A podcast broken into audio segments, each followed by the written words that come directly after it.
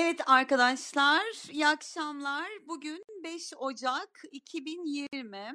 Engelsiz erişimli hak temelli hukuk söyleşilerimize kaldığımız yerden devam ediyoruz. Sevgiyle ben geçen hafta yılbaşı olması sebebiyle küçük bir kaytarma hakkı verdik kendimize ve bu sebeple de bir hafta sizinle birlikte olamadık.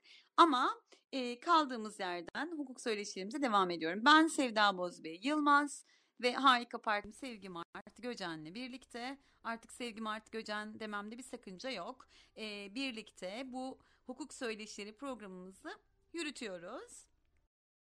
E, birazcık şeyimizin e, programımızın esasında gerisindeyiz ama bunun birkaç tane nedeni oluştu. Bunları çok değinmeyeceğim ama size şunu söylemek istiyorum. Bu programa gelemeyenler ve katılamayanlar daha sonra programı www.dünyayaseslen.com adresinden takip edebilirler diyorum ve bu akşamki hukuk söyleşimizin konusu engelliler kanunu. Hep duyuyoruz engelliler kanunu. Engel...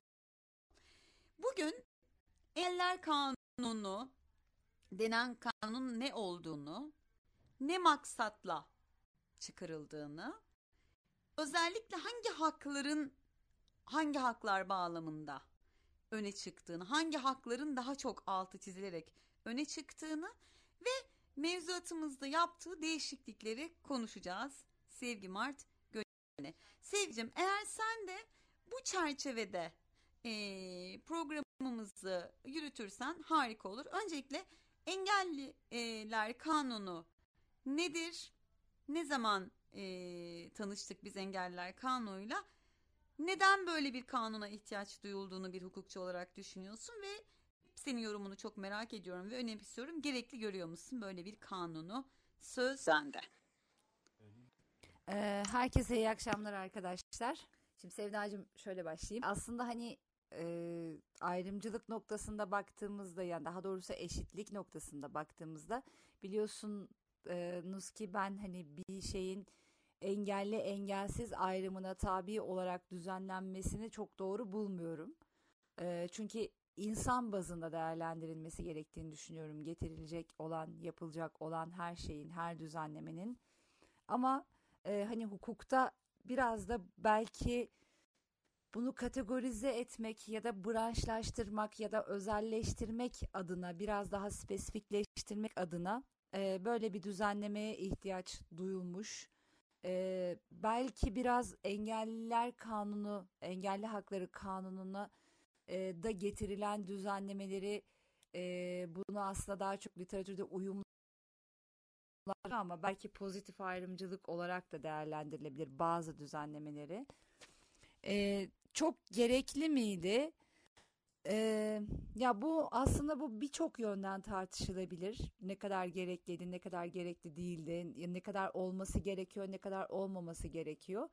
Hani tabii ki e, hepimizin kafasındaki idealist eşitlik e, kavramının oluşması biraz süreç alacak gibi görünüyor maalesef toplumdaki e, bu işte önceden anayasanın 10. maddesinden bahsettiğimiz dönemde anlattığımız eşitlik kavramının oturması, hakların insan bazında değerlendirilmesi, engelli engelsiz ayrımının kaldırılması, hani engelliye yönelik ya bir bina inşa edildiği zaman aa buna engelli rampası da konmalı mantığının hani kendiliğinden oluşması aslında istenen e, ve olması gereken, istenen değil olması gereken bu.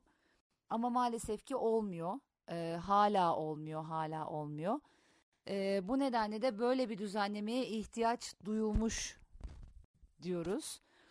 Ee, ne zaman tanıştık biz bu Çok özür dilerim. Bu aslında şeye de benziyor değil mi Sevgi? Mesela biz şu anda teknik olarak yani en azından duygusal olarak devletin engelleri çalıştırma zorunluluğuyla ilgili koyduğu ya da kamu kuruluşlarına koyduğu yüzde üçlük yüzde ikilik kotalara temel olarak sıcak bakmamamıza rağmen şu anda bu kotalar olmasaydı pek çok engelli ve buna biz de dahil iş dünyasının dışında kalacaktık. Bu sözünü ettiğin şey de bunun gibi bir şey aslında. Aynen aynen öyle aynen öyle yani evet tam da böyle hani e, evet o kotalar olmasaydı maalesef ki hani bu toplumdaki ön yargılar o eşitlik algısının oturmamış olması hakların insan bazında değerlendirilmiyor olması, engelli engelsiz ayrımının yapılıyor olması nedeniyle evet birçok insan şu an işsiz kalacaktı, işsiz olacaktı.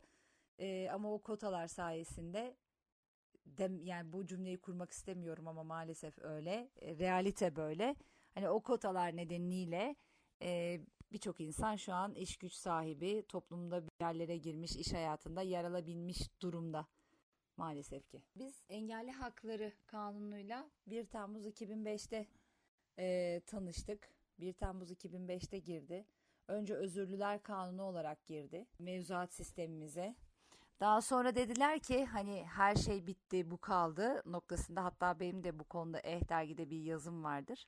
Hani her şey bitti bu kaldı noktasında dediler ki ya biz bunları özürlü de, özürler kanunu dedik bu kanunu ama bu olmadı. Biz bunu engelli hakları kanunu olarak değiştirelim dediler. Ee, onu değiştirince birçok sorun çözülüyormuş gibi algılandı. Ve engelli hakları kanunu olarak ismi değişti. 2005'ten beri de hayatımızda olan bir kanun, e, engelli hakları kanunu. Neler var kanunda genel olarak şöyle bir baktığımız zaman Öncelikle kanunun amacını anlatan bir maddesi var. Kapsamı e, işte amacı engelli haklarının engellerin toplum hayatına katılımının, engelli haklarının düzenlenmesine yönelik olduğu söyleniyor. Kapsam noktasında sadece engellileri ve engelli ailelerini kapsayan düzenlemeler getirdiği söyleniyor. Daha sonra tanımlar veriyor. Ee, işte engelli nedir? İşte rehabilitasyon, habilitasyon, gibi birçok kavramın tanımını veriyor. Kanunda kullandığı birçok kavramın tanımına yer vermiş. E, engellilik durumunu veriyor. Erişilebilirliği tanımlıyor. Erişilebilirlik Peki buradaki tanımlar tanımlıyor. mesela şeyle mi ilgili daha çok? Şu andaki evrensel e, tanımlara daha uygun mu yoksa yine bizim işte Nuh kalan himaye etme, koruma, kollama adında tanımlamalar mı? Nasıl görüyor engelli? Nasıl bir e, tarafa koyuyor? Yani şöyle e, bir takım maddelerde evet uluslararası alana da uyumlaştırmak adına bir takım tanımlarda uluslararası kriterlere esas alarak e, engellilik durumunu falan betimliyor ama bazı e, noktalarda evet yine o himayeci, korumacı, kollamacı ifadeyi görüyoruz kanunda. Maalesef o her zamanki e, işte zavallı engelliyi koruyayım mantığı yine hissediliyor bazı tanımlarda ama genel anlamda baktığımızda biraz daha uluslararası standartlara yaklaştığını görüyoruz. Yapılan değişikliklerle ama metinlerin ilk haliyle değil daha sonra getirilen önemselliklerle biraz daha o çizgiye yaklaştığını görüyoruz. Bu tanımlardan sonra yani erişilebilirlik standartlarını da e, mesela erişilebilirlik standartlarının Türk Standartları Enstitüsü'nün erişilebilirlikle ilgili yayınladığı standartlar olarak belirlemiş. Ee, hani burada uluslararası bir alana kaymamış. Türk Standartları Enstitüsü ile sınırlı tutmuş bunu. Ee, hani bunun gibi düzenlemeler var. Kısmi kısmi uluslararası alana kayış, kısmi kayma şeklinde bir e, karma bir düzenleme getirmiş. Kamu binalarını tanımlamış, umuma açık hizmet veren binaları tanımlamış kanun yine. Yani e, şöyle, şimdi burada ilerleyen madde edeceğiz. Erişilebilirlik düzenlemelerinin yapılmasına ilişkin hükümleri var kanunun. E, diyor ki bu sadece kamu binalarıyla sınırlamamış özel binalardan da genele halka açık hizmet veren binaların da yine erişilebilir olması gerektiğini e, düzenlemek adına binaları da bu şekilde tanımlamış. Yani sadece kamu binaları değil halka hizmet veren binaları da kapsamına almış. Burada kanunda belirtilen hizmetlerin yerine getirilmesinde dördüncü maddede genel esasları tanımlıyor. Burada diyor ki işte bu hizmetlerin yerine getirilmesinde engellerin onur ve haysiyetleri korunur. Onların kişisel tercihlerine önem verilir diyor. Tabi uygulamada ne kadar bu ne oluyor noktası oldukça tartışılabilir bir konu. Bireysel özelliğine saygı gösterilmesinin esas olduğunu vurguluyor. Haksızlıkla mücadele yürütülüyor temel esası olduğunu vurguluyor yine kanun yine bu genel yargımda. sağlanmasını belirtiyor tüm hak ve hizmetlerden yararlanabilmesi için. engellerin bağımsız yaşayabilmeleri ve topluma tam olarak uyum sağlayabilmeleri için erişilebilirlik düzenlemelerinin yapılmasının esas oluyor. Çizilen portre son derece olumlu, e, son derece olması gereken, e, işte bizim de istediğimiz ya evet belediye sağlanıyor, işte engelliler için erişimlik standart sağlanıyor. E, tam böyle ideal bir tablo çizim kanunda. Yani ona saygı göstereceksin, bunu düzenleyeceksin. Engellilere yönelik istismarın önlenmesi esastır. İşte engelli kadınların çok yönlü ayrımcılığa maruz önlenmesi esastır. Engelli çocukların istismarın önlenmesi esastır. Bir genel esas belirlenmiş. Öncelikle bu tür e, ya da buna benzeyen sözleşmelerde amaç kapsam ve aslar ve son detaylar devam edeceğim. Aynen, aynen. Peki aynen. şöyle bir soruyla devam etmek istiyorum. Detaylara sen başlamadan önce. Sana göre Engelliler Kanunu'nun yayınlanması sonrasında e, dikkate alınır değişiklikler doğdu mu bir takım alanlarda? Yani mekanizma halini aldı mı sence bu kanun yoksa hala biraz yolu var mı? Henüz istenen istenilen ya da hedeflenmek hedeflenen e, noktaya gelemedik. Gelmeye de çok uzak bir yerdeyiz.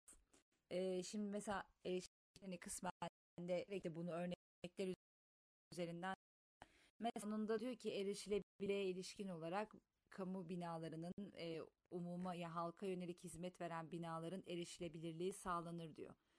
E, engellerin erişimine uygun hale getirilir diyor. Bunun için de 8 yıllık bir süre öngörmüş kanun. Kanun 2005'te yürürlüğe girdi. Kanun öngördüğü süre 2013'te doldu. Biz 2020'deyiz şu anda. Ee, bir hayal edin bulunduğunuz ildeki kamu binalarını. Bunun kaç tanesi erişilebilir hale getirildi? Kaç tanesinde herhangi bir çalışma yapılmadı? En basitinden ben de bir kamu kurumunda çalışıyorum. Benim şu an görev yaptığım işletme Bununla ilgili hatta eğer doğru hatırlıyorsam e, bununla ilgili eğer doğru hatırlıyorsam 2013'tü galiba gerçekten.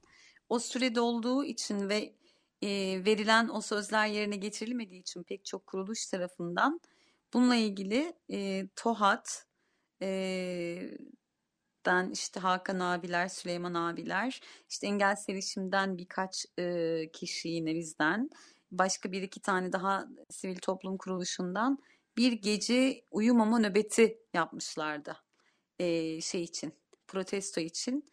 Bu sanıyorum ona dönük bir şeydi. Bu çalışmaların olmayışına dönük bir şeydi. Bunu e, paylaşmak istedim. Çok özür dilerim. Devam et sevgicim. Yok yok canım. Evet doğru söylüyorsun. Hatta TOHAD'ın buna ilişkin de raporları var. Hani e, faaliyet binalarında erişilebilirliğin sağlanmadığına ilişkin raporları falan da var. Yine mesela aynı şekilde kanunda toplu taşıma araçlarının turizm hizmeti veren araçların ya da firmaların, e, kuruluşların da erişilebilirliğin, engellilerin erişilebilirliğinin sağlanmasına yönelik çalışmalar yapması öngörülüyordu. Ama yine hepimiz toplu taşıma kullanıyoruz.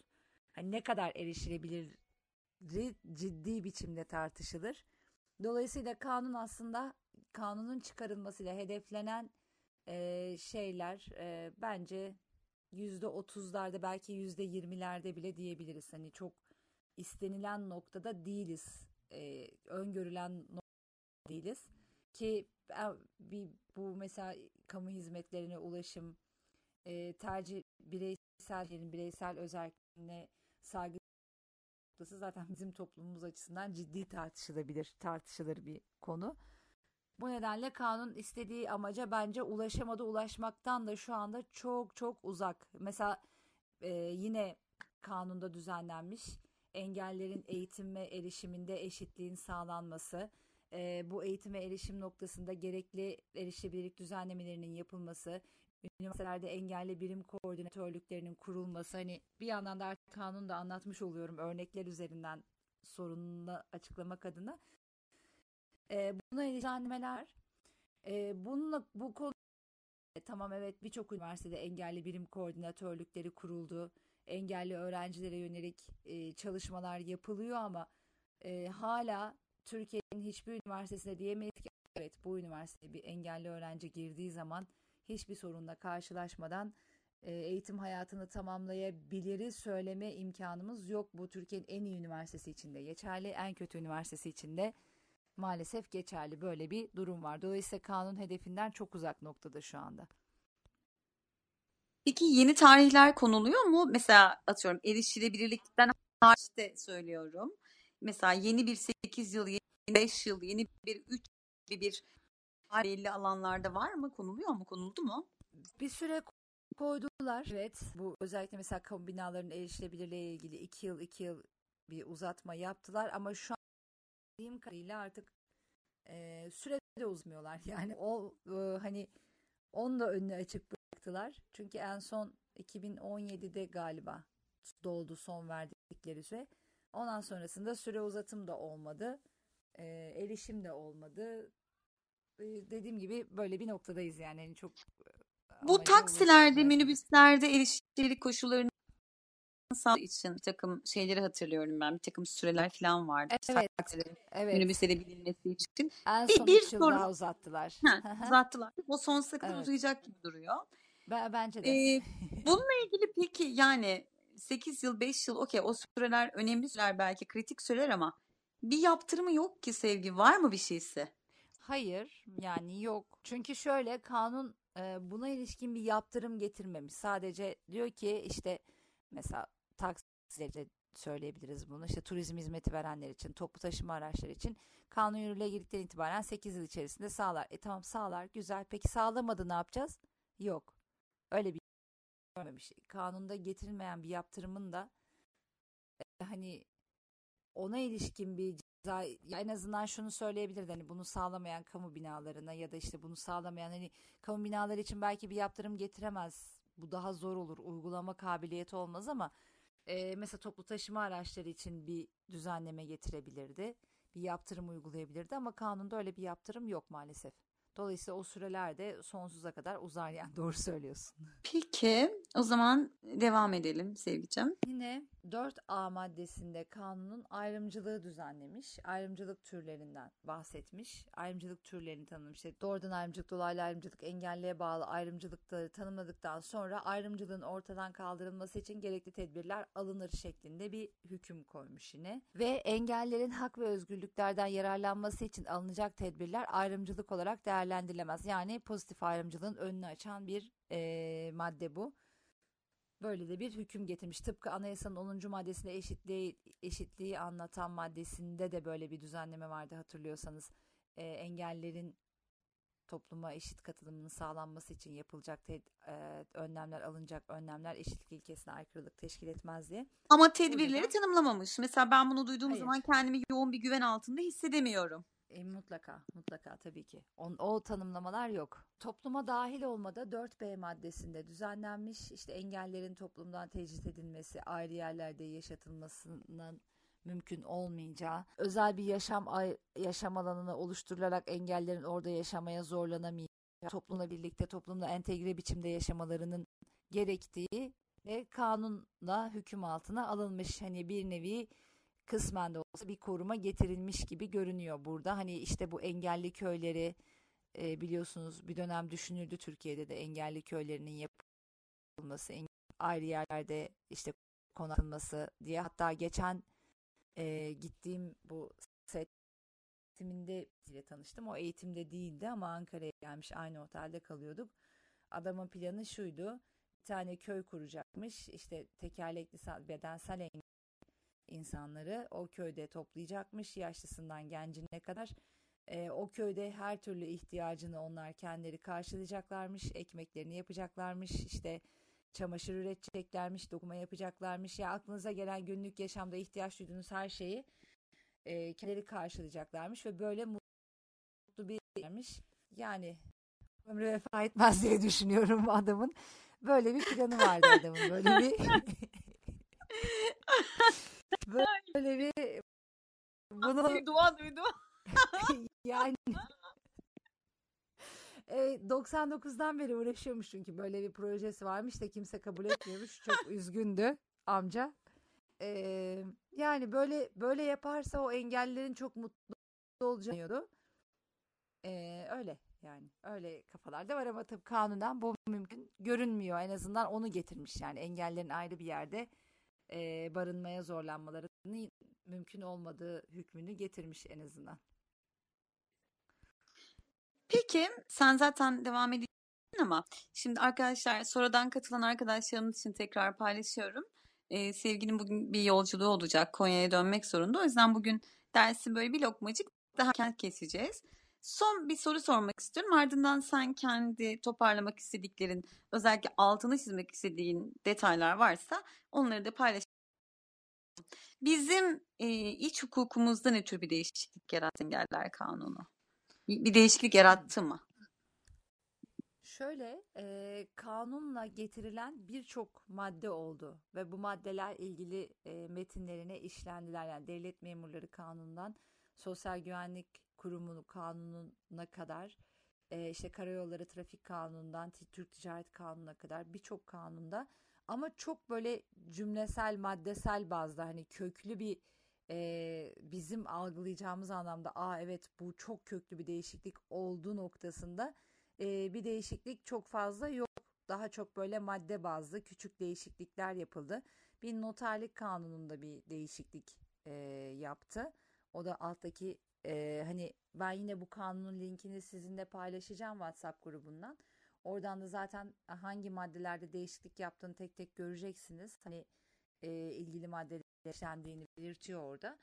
E, oradan çünkü epeyce bir kanunda küçük küçük böyle e, bazen bir madde, bazen iki madde, bazen bir maddenin bir cümlesi gibi küçük küçük değişiklikler yaptı ama kendi hedeflediği, hayal edilen noktada hani o o kadar büyük bir değişiklik, o kadar büyük bir etkileşim yaratmadı. Daha küçük bazı değişiklikler yaptı. Peki böyle son 5-6 dakikada özellikle altını çizmek istediğin ya bu kanunla ilgili öne çıkan senin bir hukukçu gözüyle başka türlü yorumladığın bizimle paylaşmak istediğin detaylar varsa onları da yavaş yavaş toparlayalım ve bugünlük arkadaşlarımızdan af dileyerek programı bugünlük böyle bir kısacık bitirelim istiyorum sevgicim. Anladım canım. Aslında şöyle kanuna getirilen düzenlemeler gerçekten uygulama kabiliyeti bulabilseler yani tam anlamıyla burada hedeflenen anlamıyla uygulama kabiliyeti bulabilseler de 2005'ten bu yana yaklaşık 15 yıldır bu kanun 1 Temmuz 2005'ten bu yana yürürlükte oldukça yol almış olurduk gerçekten. Hani şu an çok daha başka şeyleri konuşuyor olurduk. Tabii kısmen kısmen de olsa değişiklikler oldu. Yine bu kanunun getirdiği önemli etkilerden bir tanesi de şu oldu. Tabii öncesinde de mutlaka ki birçok sivil toplum örgütünün e, engellere yönelik çalışmalarda katkısı vardı. Birçok artı oldu. Hatta bu kanunun çıkmasında bile katkı sağlayan sivil toplum örgütleri oldu. Ama bu kanunda bir e, düzenleme de getirildi ve dendi ki engellere yönelik çalışmalarda engelliler adına faaliyet gösteren sivil toplum örgütleriyle de işbirliği yapılır hükmü getirildi. Bu bence önemli bir kazanım oldu. Şöyle ki hani bizim devlet kurumlarında bir şeyi böyle yasayla temellendirdiğiniz zaman onun etkisi daha fazla oluyor. Böyle hani aa evet ya bu yasada var bunu biz yapalım dikkate alalım mantığı gelişiyor.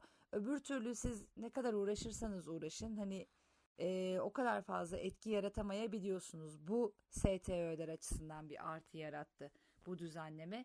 Bu aynı zamanda tabii ki yapılan getirilecek olan düzenlemelerde özellikle hak temelli STÖ'lerin e, olaya dahil olması, o yaklaşımlarını geliştirmeleri, bakış açısının kazandırılmasıyla biraz daha getirilen düzenlemelerin hani o korumacı, himayeci, yazıkçı mantıktan çıkarılarak biraz daha böyle hak temelli e, yaklaşıma, bakış açısına dönmesine çok çok küçük de olsa en azından ivme kazandırdı diye düşünüyorum. Şu noktada benim paylaşabileceğim başka çok şey yok. Sadece dediğim gibi linkini de atarım size. Eğer aklınıza gelen bu konuyla ilgili sormak istediğiniz bir şey olursa da zaten mail adreslerimiz dünyayaseslen.com'da paylaşılıyor.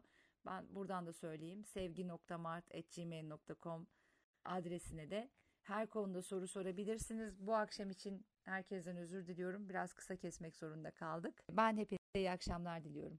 Önümüzdeki dönemlerde zaten bu konulara yer yer e, geri döneceğiz. Çünkü hep bu konularla işimiz gücümüz aslında Kesinlikle bizim. etrafında dolaşacağız bunların. Zaten Evet, şimdi mesela sevgi az önce ayrımcılık temelli şeylerden söz ederken bu konuyu zaten epeyce detaylı konuşmuştuk. Ayrımcılık türleri üzerine epeyce konuşmuştuk. Dolayısıyla buraya da geri döneceğiz. Sevginin atacağı o e, linkte e, linkin içinde şey var.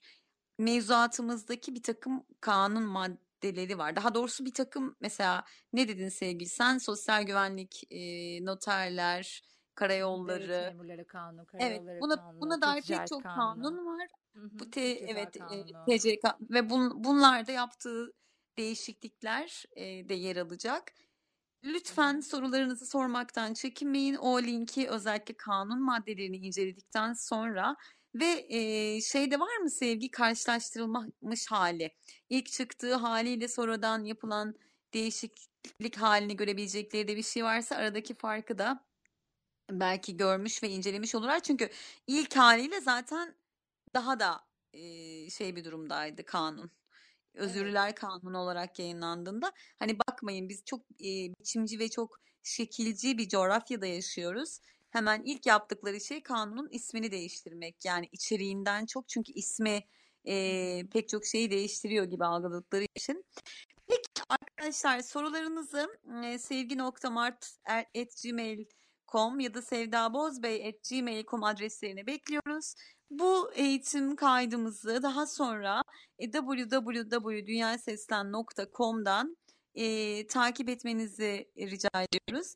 Bugünkü kısacık bu süre için sizlerden af diliyoruz. Bir yolculuğumuz olacak. Sevginin bir yolculuğu olacak. Haftaya o zaman görüşmek üzere diyelim. Kendinize çok iyi bakın. Sevgicim ağzına sağlık. Tekrar haberleşmek üzere. Tamam. İyi akşamlar arkadaşlar herkese. Görüşürüz. İyi yolculuklar. Görüşürüz. Hoşça. Teşekkürler. Bay Hoşça bay. kal. Bay bay. Bay bay.